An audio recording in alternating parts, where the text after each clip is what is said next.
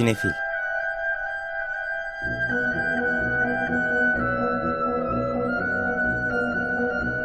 Hazırlayan ve sunanlar Melis Behlil ve Yeşim Burul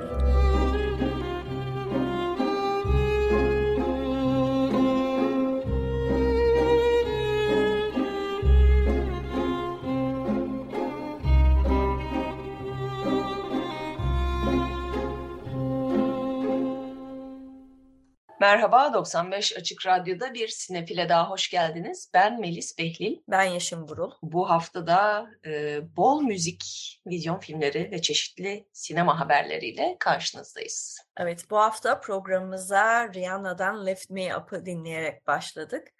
E, Lift Me Up bu sene daha çok duyacağımız bir şarkı. Onu şimdiden söyleyebiliriz. Bu hafta vizyona giren Black Panther, Wakanda Forever Bizde de Black Panther Yaşasın Wakanda adıyla gösterime giren e, son Marvel filminin ana şarkısı.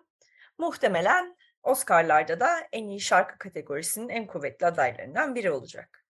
Evet yani alacakı bilemiyoruz ama aday olacağı neredeyse kesin. Ee, Rihanna'nın bir süredir e, yeni bir e, parçası yoktu. Zaten arada çocuk da doğurdu etti. E, filmle de iyi uyuyor. Hani olması için bütün nedenler var şarkıyı sevip sevmemek bundan tabii ki bağımsız. Evet, böyle demişken aslında haftanın vizyon filmlerini konuşmaya da hemen geçebiliriz. Ve o zaman Black Panther Yaşasın Wakanda ile de başlarız. Ee, ilk film olduğu gibi burada da Ryan Coogler yönetmen ve orijinal planda e, Chadwick Boseman Black Panther'ı, Kara Panter'i canlandıracaktı. Çünkü beş filmlik bir anlaşması vardı Marvel'la. Diğer e, Marvel filmlerinde Black Panther olarak karşımıza çıktı. Ardından Black Panther'da başrolde karşımıza çıktı. Ancak e, hastalığı nedeniyle e, önce hastalığını açıkladı ve çok kısa bir süre sonra 2020'de hayatını kaybedince bu son aslında filmi olacakken e, bu filmde yer alamadı ve bu epey de bir tartışılmış o süreçte Marvel'da işte bir şekilde dijital mi tamamlasın, başka biri mi onu canlandırsın, oyuncu mu değişsin derken bütün bunlardan vazgeçmişler. Chadwick Boseman'a bir saygı duruşu olarak e, o karakteri emekli edip filmde de onun ölümüyle başlıyor bu. Hani spoiler da değil zaten bütün hikaye bunun üzerine kurulu. Black Panther'ın bir hastalıktan ölümüyle başlıyor. O yüzden filmin başlangıcı bir hayli hüzünlü. Onu hemen söyleyelim. Başlangıcı ve bitişi diyebiliriz belki. Orada da bir aslında çemberde tamamlanıyor bir tarafta. Evet. Ama evet. spoiler yok, spoiler yok. Chadwick Boseman'ı tekrar zaman... hayata getirmemişler. Evet ama her Marvel filminde olduğu gibi e, yazıların sonuna kadar bekliyorsunuz. Evet. En en en sonuna değil onu da söyleyelim. Arada bir tane var. Genelde Marvel filmlerinde bir arada par, e, sahne oluyor. Bir de en en en sonda oluyor. Burada sadece arada koymuşlar. Çünkü o kadar etkili bir son sahnesi var ki yani ek sahnesi sonrasına gerek kalmıyor. Ee, diğer karakterler karşımızda ama hani başta Shuri olmak üzere Queen Ramonda, Mboku, Okoye, Dora Milaje gibi işte Letitia Wright, Angela Bassett onlara eklenen Tena Huerta ve Denai Gurira gibi de oyuncular var. Çok tanınmayan ama yeni isimler. Ee, dediğimiz gibi Black Panther'ın ölümüyle başlıyor. Ee, hikaye yine Wakanda'da geçiyor. Dünyanın en gelişmiş ülkesi çünkü e, sadece Orada çıkan çok özel bir madenleri var. Ama bunun peşinde bütün dünya var aslında ve kralların ölmesiyle beraber zor bir duş, duruma da düşüyor Wakanda. Evet, e, zor bir duruma düşüyor e, ve bu zorlukta tabii ilk düşündüğümüz şeyler e, birinci dünya ülkelerinin e, bu konuda şansları deneyip zorlamaları. Hatta böyle bir Birleşmiş Milletler'de bir oturum da açılıyor bir taraftan Amerikalılar, bir taraftan Fransızlar böyle minik minik tırmalarlarken aslında e, yeni bir dünya gücünün daha olduğu, herkesten saklanan e, bir e, ulusun ve bir e, ülkenin daha olduğu ortaya çıkıyor. e, yani fragmanlarda ne kadar gösteriyor bilmiyorum ama suların altından gelen bir başka e, süper güç diyebilir miyiz tam anlamıyla? E, deriz. Hatta ben önümüzdeki senelerde çeşitli üniversitelerin film bölümlerinde e, çeşitli ödevlerin Yaşasın Wakanda'daki e, postkolonyal sömürgecilik sonrası söylemler üzerine ödevlerle dolup taşıyacağını da tahmin ediyorum. Çünkü böyle bir e, üçüncü dünyacılık e, hali de var filmi. Gerçi tabii ki bir Marvel filmi ve başka yerlere bağlanıyor ama ara ara öyle bir yerlerden de böyle selamlar çakıyor. Evet, e, öbür tarafta e, bahsettiğimiz üzere bu yeni e, ortaya çıkan güç de Melis'in dediği gibi o üçüncü dünyacılığı da düşünecek olursak e, Wakanda aslında Avrupa şeyin Afrika'nın ruhunu genel anlamıyla böyle birazcık karışık biçimde temsil eden e, bir hayali ülkeydi. E, bu yeni e, ülke ise daha nasıl diyelim Okyanusya ve Asya kültürlerinin karışımı. Birazcık Amerika Latin Amerika'da bence, var. Evet. Yani yani, yani e, Mayalar da var. İşte o antik e, Amerikan yerli öncesi Amerikan kültürleri diyelim. Yani bütün bu esnada filmin 2 saat 40 dakika olduğunu da söyleyelim. Biraz fazla uzun olduğunu ikimiz de düşündük. Ee, çeşitli savaş sahneleri özellikle. Ama e, yine de hani Marvel evrenini sevenler için e, aslında bu karakterlerle tekrar buluşmak, çeşitli karşılıklı göndermeler vesaire e, keyifli. Bir yandan dediğin gibi hani böyle bir ortaya karışık Afrika ruhu ama bir yandan da e, geçtiğimiz aylarda gösterime giren ve daha spesifik Benin, şu andaki Benin civarında yer alan gerçek bir e, gruptan yola çıkılarak yapılan e, Kadın Kral e, The Woman King ile karşılaştırınca bu bana daha Afrika geliyor. O o kadar hesaplı ve Hollywood vari ve kostümler vesaireler böyle hani nasıl Afrika'yı pazarlayabiliriz neredeyse hissiyle müziği dahil müzikler Afrika'dan ziyade Lion King, Aslan Kral üzerinden Afrik, Afrika hissi veriyordu e, Kadın Kral'da e, Black Panther yaşasın Wakanda hayali bir ülkeyi temsil etse de Wakanda diye bir yer tabii ki yok.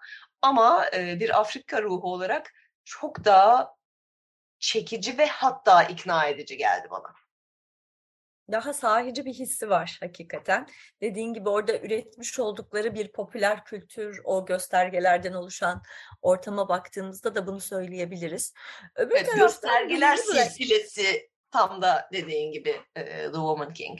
Bir taraftan bu filmle alakalı olarak da tabii şimdiden hem çok fazla ipucu da vermek istemiyorum dinleyicilerimize. Hakikaten izleyip kendi e, e, şeyleriyle ne denir etki altında kalmadan değerlendirmelerini de isterim. Ama günün sonunda her zaman zaten o birinci dünyanın o hesap kitapçılığı zaten cepte diye başlıyor film. Onlar zaten öyle. Hani onlar zaten kötü ve hani kötü düşünüyorlar.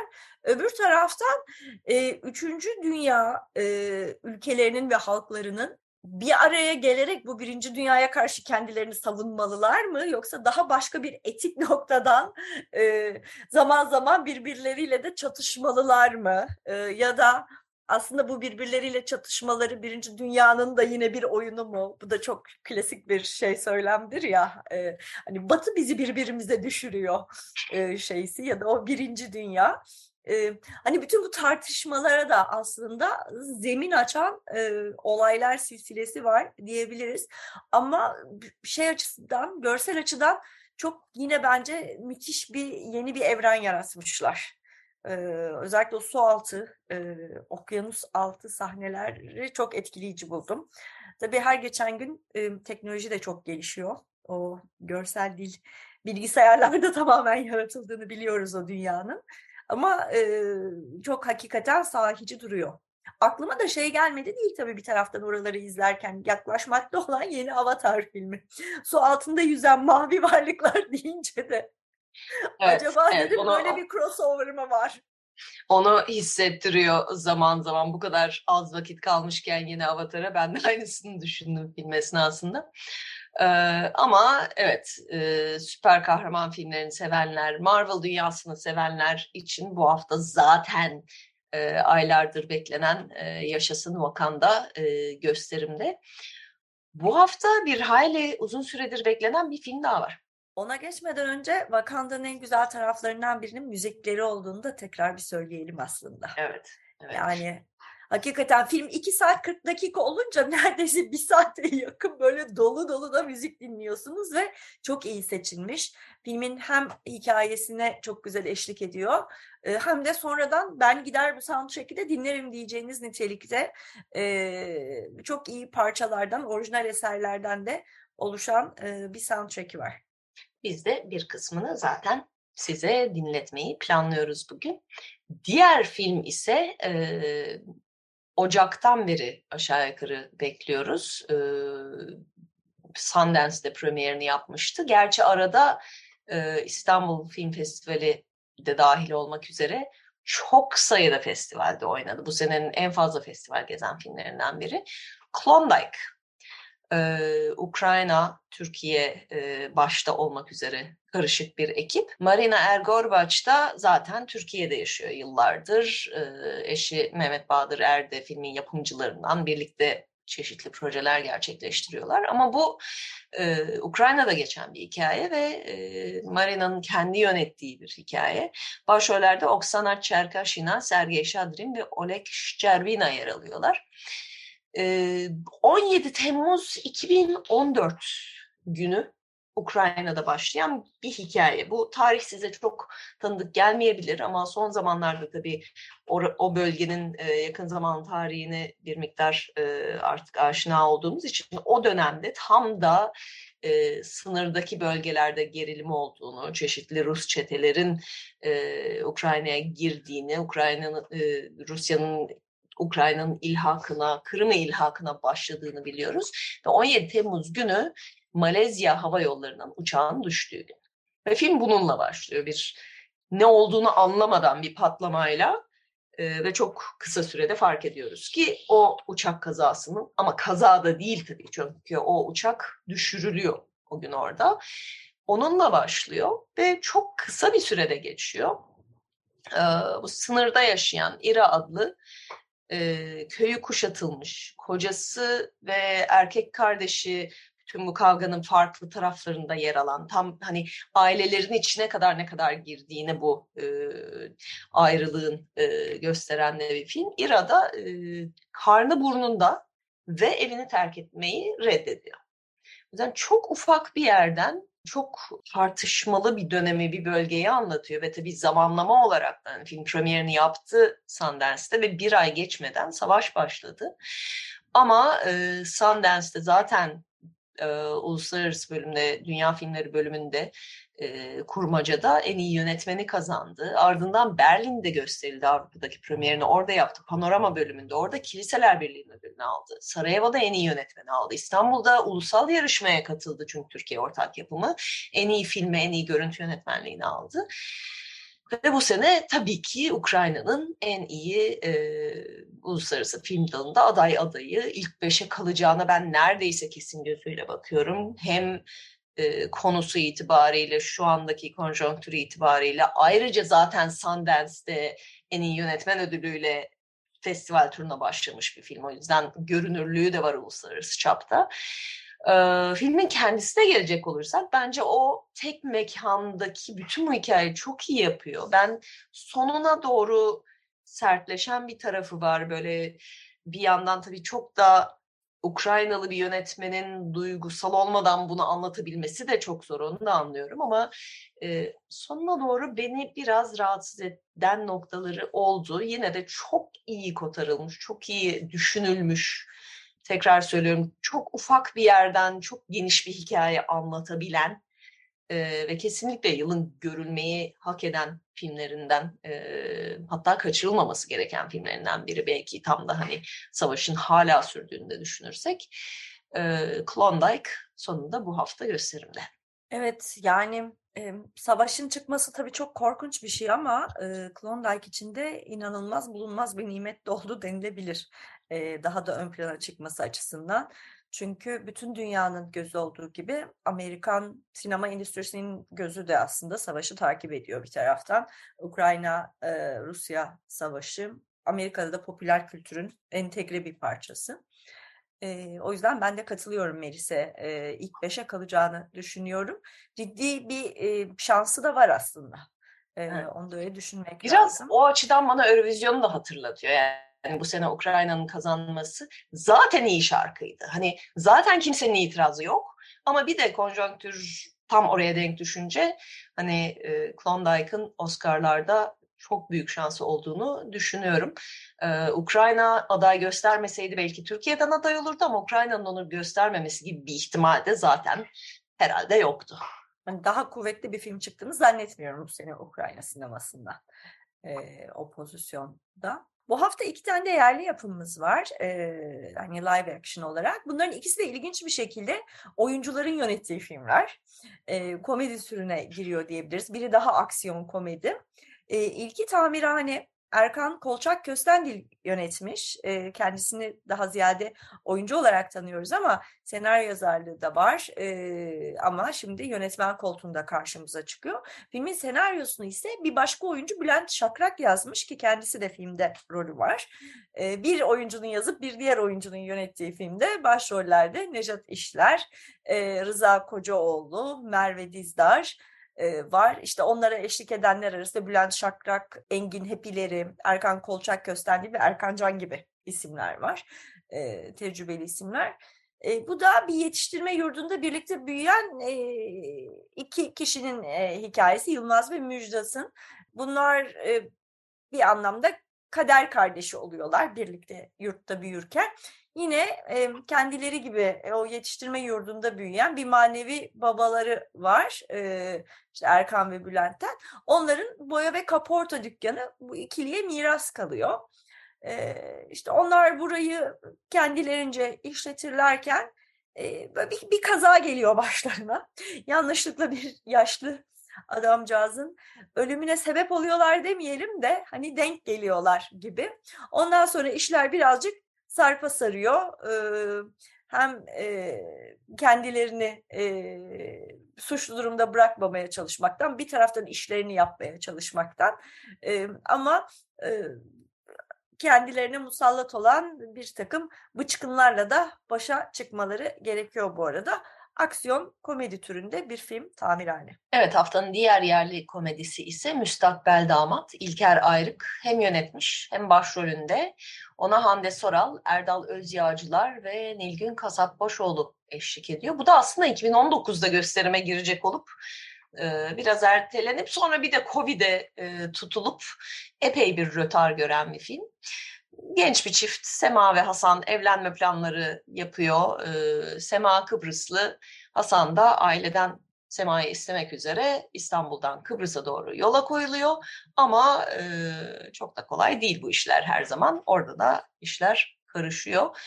E, haftanın iki live action yerli yapımı dedik. Çünkü bir tane de animasyon var Nilo'ya adında Arkın Aktaç yönetmiş. Bu zaten bir seri olarak tanınan bir karakter Nilo'ya ve arkadaşlarının maceraları. Bir hayli küçük dinleyicilerimize yönelik olduğunu söyleyelim animasyon tarzı itibariyle. İlk ilk sinemaya gitmeye başlayanlara belki uygun olabilir. Ee, ama ara tatil nedeniyle bir animasyon daha var bu hafta. O da Rusya'dan geliyor. Karlar Kraliçesi ve Prenses. Bu da bir devam filmi. Bunun ilkini daha önce izlemiştik. Bu da Frozen'ın ekmeğinden yiyen yabancı e, animasyonlardan diyebiliriz. Karlar Kraliçesi diye başlayınca Andrei Korenkov ve Alexei Tsitsilin yönetmiş. Ee, sakin bir kasabada yaşarken Gerda ve Kay herkes dondurulmaya başlanıyor. Onlar da bir şekilde e, bu işi çözmeye çalışıyorlar, buzları eritmeye çalışıyorlar. Yeşim'in de dediği gibi Frozen'ın ekmeğini yiyen filmler dizisine eklenen bir örnek daha. Evet, vizyon filmlerimiz böyleydi. Öbür taraftan festival haberlerine bakacak olursak Ankara Film Festivali devam ediyor. Ee, gösterimler dolu dolu, oldukça yoğun bir programla. Bu hafta sonu e, ödül töreniyle o da tamamlanacak. Önümüzdeki hafta e, Ankara'dan haberleri vereceğiz yine sizlere. Klondike'tan bahsederken bolca Oscar'lardan bahsettik aslında, Oscar ihtimallerinden. Oscar haberleri de yavaş yavaş düşmeye başladı. Ee, bu hafta en önemli haber aslında sunucuydu. Ee, Oscar sunucu meselesi ne olacak diye tartışılıp duruyor yıllardır. Bir sunucu olacak mı? Birden çok mu olacak? Nasıl olacak? Ortaya karışık mı olacak? Yanarlı dönerli, alevli malevli Sunucusuz bir takım tokat... sesler mi havada uçuşacak ki o da yapıldı? Tokatlı mı tokatsız mı olacak gibi e, sonsuz e, alternatifler konuşuluyordu. E, ama sonuç itibariyle e, Jimmy Kimmel'ın Oscar'ı üçüncü kez sunacağı açıklandı kanal tarafından. E, kanal deyince de şeyi düşündük tabii ABC kanalı veriyor Amerika'da akademi ödüllerini her sene. Jimmy Kimmel da ABC'nin Late Night Show'unun aslında hostu, sunucusu yıllardır e, herhalde şey dediler ekonomik kriz döneminde bu işi in-house çözelim dediler. Evet buradan Binnaz Saksanber'e de bir selam yollayalım. Kendisiyle sosyal medyada bunun e, dedikodusunu yapıyoruz arada. O da e, buna e, hemen eklendi bizim muhabbetimize ve e, ondan da konuştuk bunu.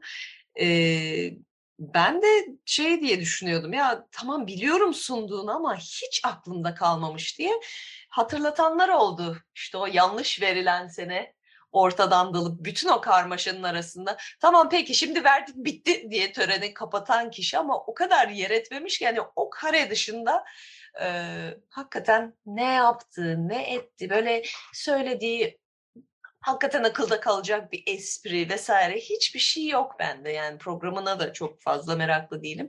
O yüzden böyle geçen seneki tokat meselesinden sonra hani sakin böyle çok olay çıkmamasını sağlayacak gerçi tabii e, yanlış ödül e, senesinin tecrübesi de var ama o onun suçu değil. E, böyle bir işte etliye sütliye karışmayan sunucumu bulalım dediler. Ne yaptılar bilemiyorum. Ya da dediğin gibi ucuza getirmeye ilk, baktılar sadece. İlk sunuculuğu da aynı derecede unutulabilir bir performans da onu söyleyeyim. Yani Kimmel genel olarak bence zaten Amerika'daki late night show e, sunucuları arasında en zayıfı. Yani Jimmy Fallon'dan da hiç hoşlanmıyorum ben aslında. iki Jimmy'yi de sevmediğimi çok evet. rahatlıkla buradan itiraf edebilirim sıkıcı bir törenin ilk taşını koydular bence şimdiden hani ne bileyim temelini atıyorlarsa buradan da aynı sıkıcılıkla mı acaba devam edecekler göreceğiz. Her sene heyecanlanmak istiyorum ama her geçen sene birazcık daha heyecanımı düşürmeyi başarıyor akademi sağ olsun. Evet, ödüller demişken Avrupa Film Akademisi'nin adaylıkları belli oldu bazı filmler öne çıkıyor. Biz bu arada Avrupa Üniversite Film Ödülü olarak Türkiye ayağını kararlaştırdık ve de e, benim gönlümde bu filmler arasında bir tanesi öne çıkıyor. E, ama biraz onlardan da bahsedelim. E, en iyi filmle başlayalım. En iyi Avrupa filmi adayları zaten çok büyük bir sürpriz yok. Alcarraz, Close, Corsage, Holy Spider ve Triangle of Sadness ki bunların Alcaraz İstanbul Film Festivali'nde gösterildi. Kalan sanırım hepsi film ekiminden. Bir kısmı da zaten evet. gösterime girdi, giriyor. Triangle of Sadness geçen hafta girdi. Corsage geliyor önümüzdeki haftalarda. Ee, zaten beklenen bir geliyor. listeydi bu evet. Triangle of Sadness'ı seninle konuşmuştuk zaten vizyona evet, girdiği hafta. Evet ben sevmiyorum burada. çok net bir şekilde. Evet. Senin Holy Spider'ı sevmediğini biliyorum. Ha, mesela işte Holy Spider'ı daha da sevmiyorum diyebilirim. Hani o mu o mu dersen Triangle of Sadness'ı kesinlikle tercih ederim. Ee, Holy Spider'dan baya yani e, ne yaptığı konusunda kafası karışık, her şeyi yapmaya çalışıp e, bir eline yüzüne bulaştırma birazcık da hani bu batılı festival seçicilerin ve e, festival ahalisinin istediği malzemeleri bir araya koyayım gibi öyle bir kendince evet, Ali Abbasi'nin e, İsveç yapımı ama İran'da geçen e, bir seri katil. Ama Ürdün'de evet. çekilmiş olan. İran'da çekemediği için Ürdün'de çektiği. Gerçek hayatta böyle bir seri katil varmış zaten. Onun hikayesinden yola çıkarak yapıyor ama öyle bir yerden yapıyor ki hem bu kadın düşmanı e, seri katili ki şeylerim e, hayat kadınlarını öldürüyor sokaktan topladığı. Hem onunla böyle bir onu nasıl diyeyim daha insanileştirerek bir taraftan öyle bir şey. Bir taraftan böyle bir seri katili yaratan o toplumsal ortamı da bize e, hani anlatmaya çalışıyor ama bütün bunları yapma biçimi ve ortaya koyduğu şey bittiği noktada ben böyle bayağı sinirlendim açıkçası diyebilirim. E, o yüzden yani ana karakterimiz olan kadın ki e, bir de ödül aldı yani ama o kadar tek boyutlu ki ona, ona da üzüldüm. Yani hani çok daha aslında şahane üç boyutlu bir kadın e, karakter yazma şansı varken onu da ıskalamış bir film. Ama en iyi filmler arasında Avrupa Film e, ödüllerinde karşımıza çıkıyor. Evet, Korsaj'ı ikimiz de görmedik henüz ama iyi şeyler duyuyoruz. Ee, ben Close ve Alcaraz'ı da bu arada çok beğendim. Yani bu listede benim sevdiğim filmler onlar. Ee, Close bu sene en sevdiğim filmlerden biri oldu. Lucas Dont'un ikinci filmi. Ee, bir yandan çok duygusal ama bence yine de çok daha e, duygu sömürüsü yapabilecekken yapmıyor.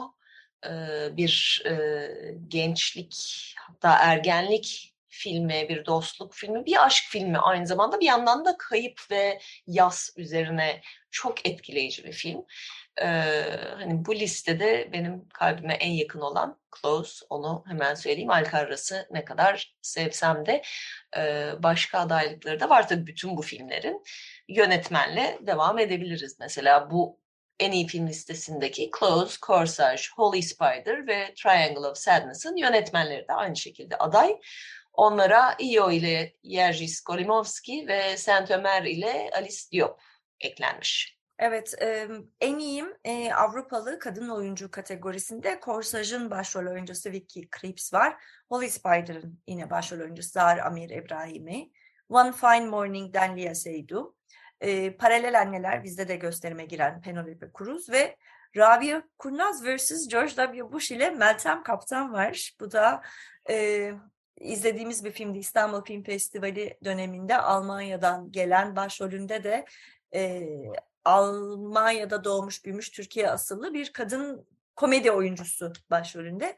Bizim tabii Rabia Kurnaz biz daha önce burada konuşmuştuk ama e, bayağı karikatürize bir e, performansta Meltem Kaptan'ın e, şeyi Orada biraz yönetmenin tercihi de öyleydi bütün film boyunca da. O yüzden burada görmek de biraz şaşırttı beni. Evet erkek oyuncularda ise After Sun ile Paul Mescal, Close ile Eden Dambrin ki kendisi çok genç bir oyuncu ve bütün filmi sırtlanıyor. Godland ile Elliot Crosset-Hove, Nostalgia ile Pierre-France Cesco Favino ve Triangle of Sadness ile Zlatko Buric. Ki ilginç çünkü Zlatko Buric filmin sadece üç bölümünden bir tanesinde var. Ee, pardon ikisinde de var ama başrol değil aslında. O yüzden onun tercih edilmiş olması bana ilginç geldi. Evet, Close ile bahsettiğin gibi Eden Dumprin bu sene çok konuşuluyor performansıyla. Ee, ama After Sun'la Paul Mescal de bu sene beğenilen e, isimlerden. Onun da ciddi bir şansı var. Senaryo olarak Alcaraz, Belfast, yine Close, e, Holy Spider tekrar ve Triangle of Sadness yine adaylar arasında. Mesela bence Holy Spider'ın en zayıf taraflarından biri senaryosu. O yüzden burada e, karşımıza çıkması da biraz şey oldu. Acaba diyorum Batıl ya Avrupa Film Ödülleri ne kadar çok kültürlü olduğunu mu göstermeye çalışıyor böyle tercihlerle diye de düşünmeden edemiyorum. Ama öbür taraftan Rabia Kurnaz'ın burada olmamasına sevindim de diyebilir miyim acaba?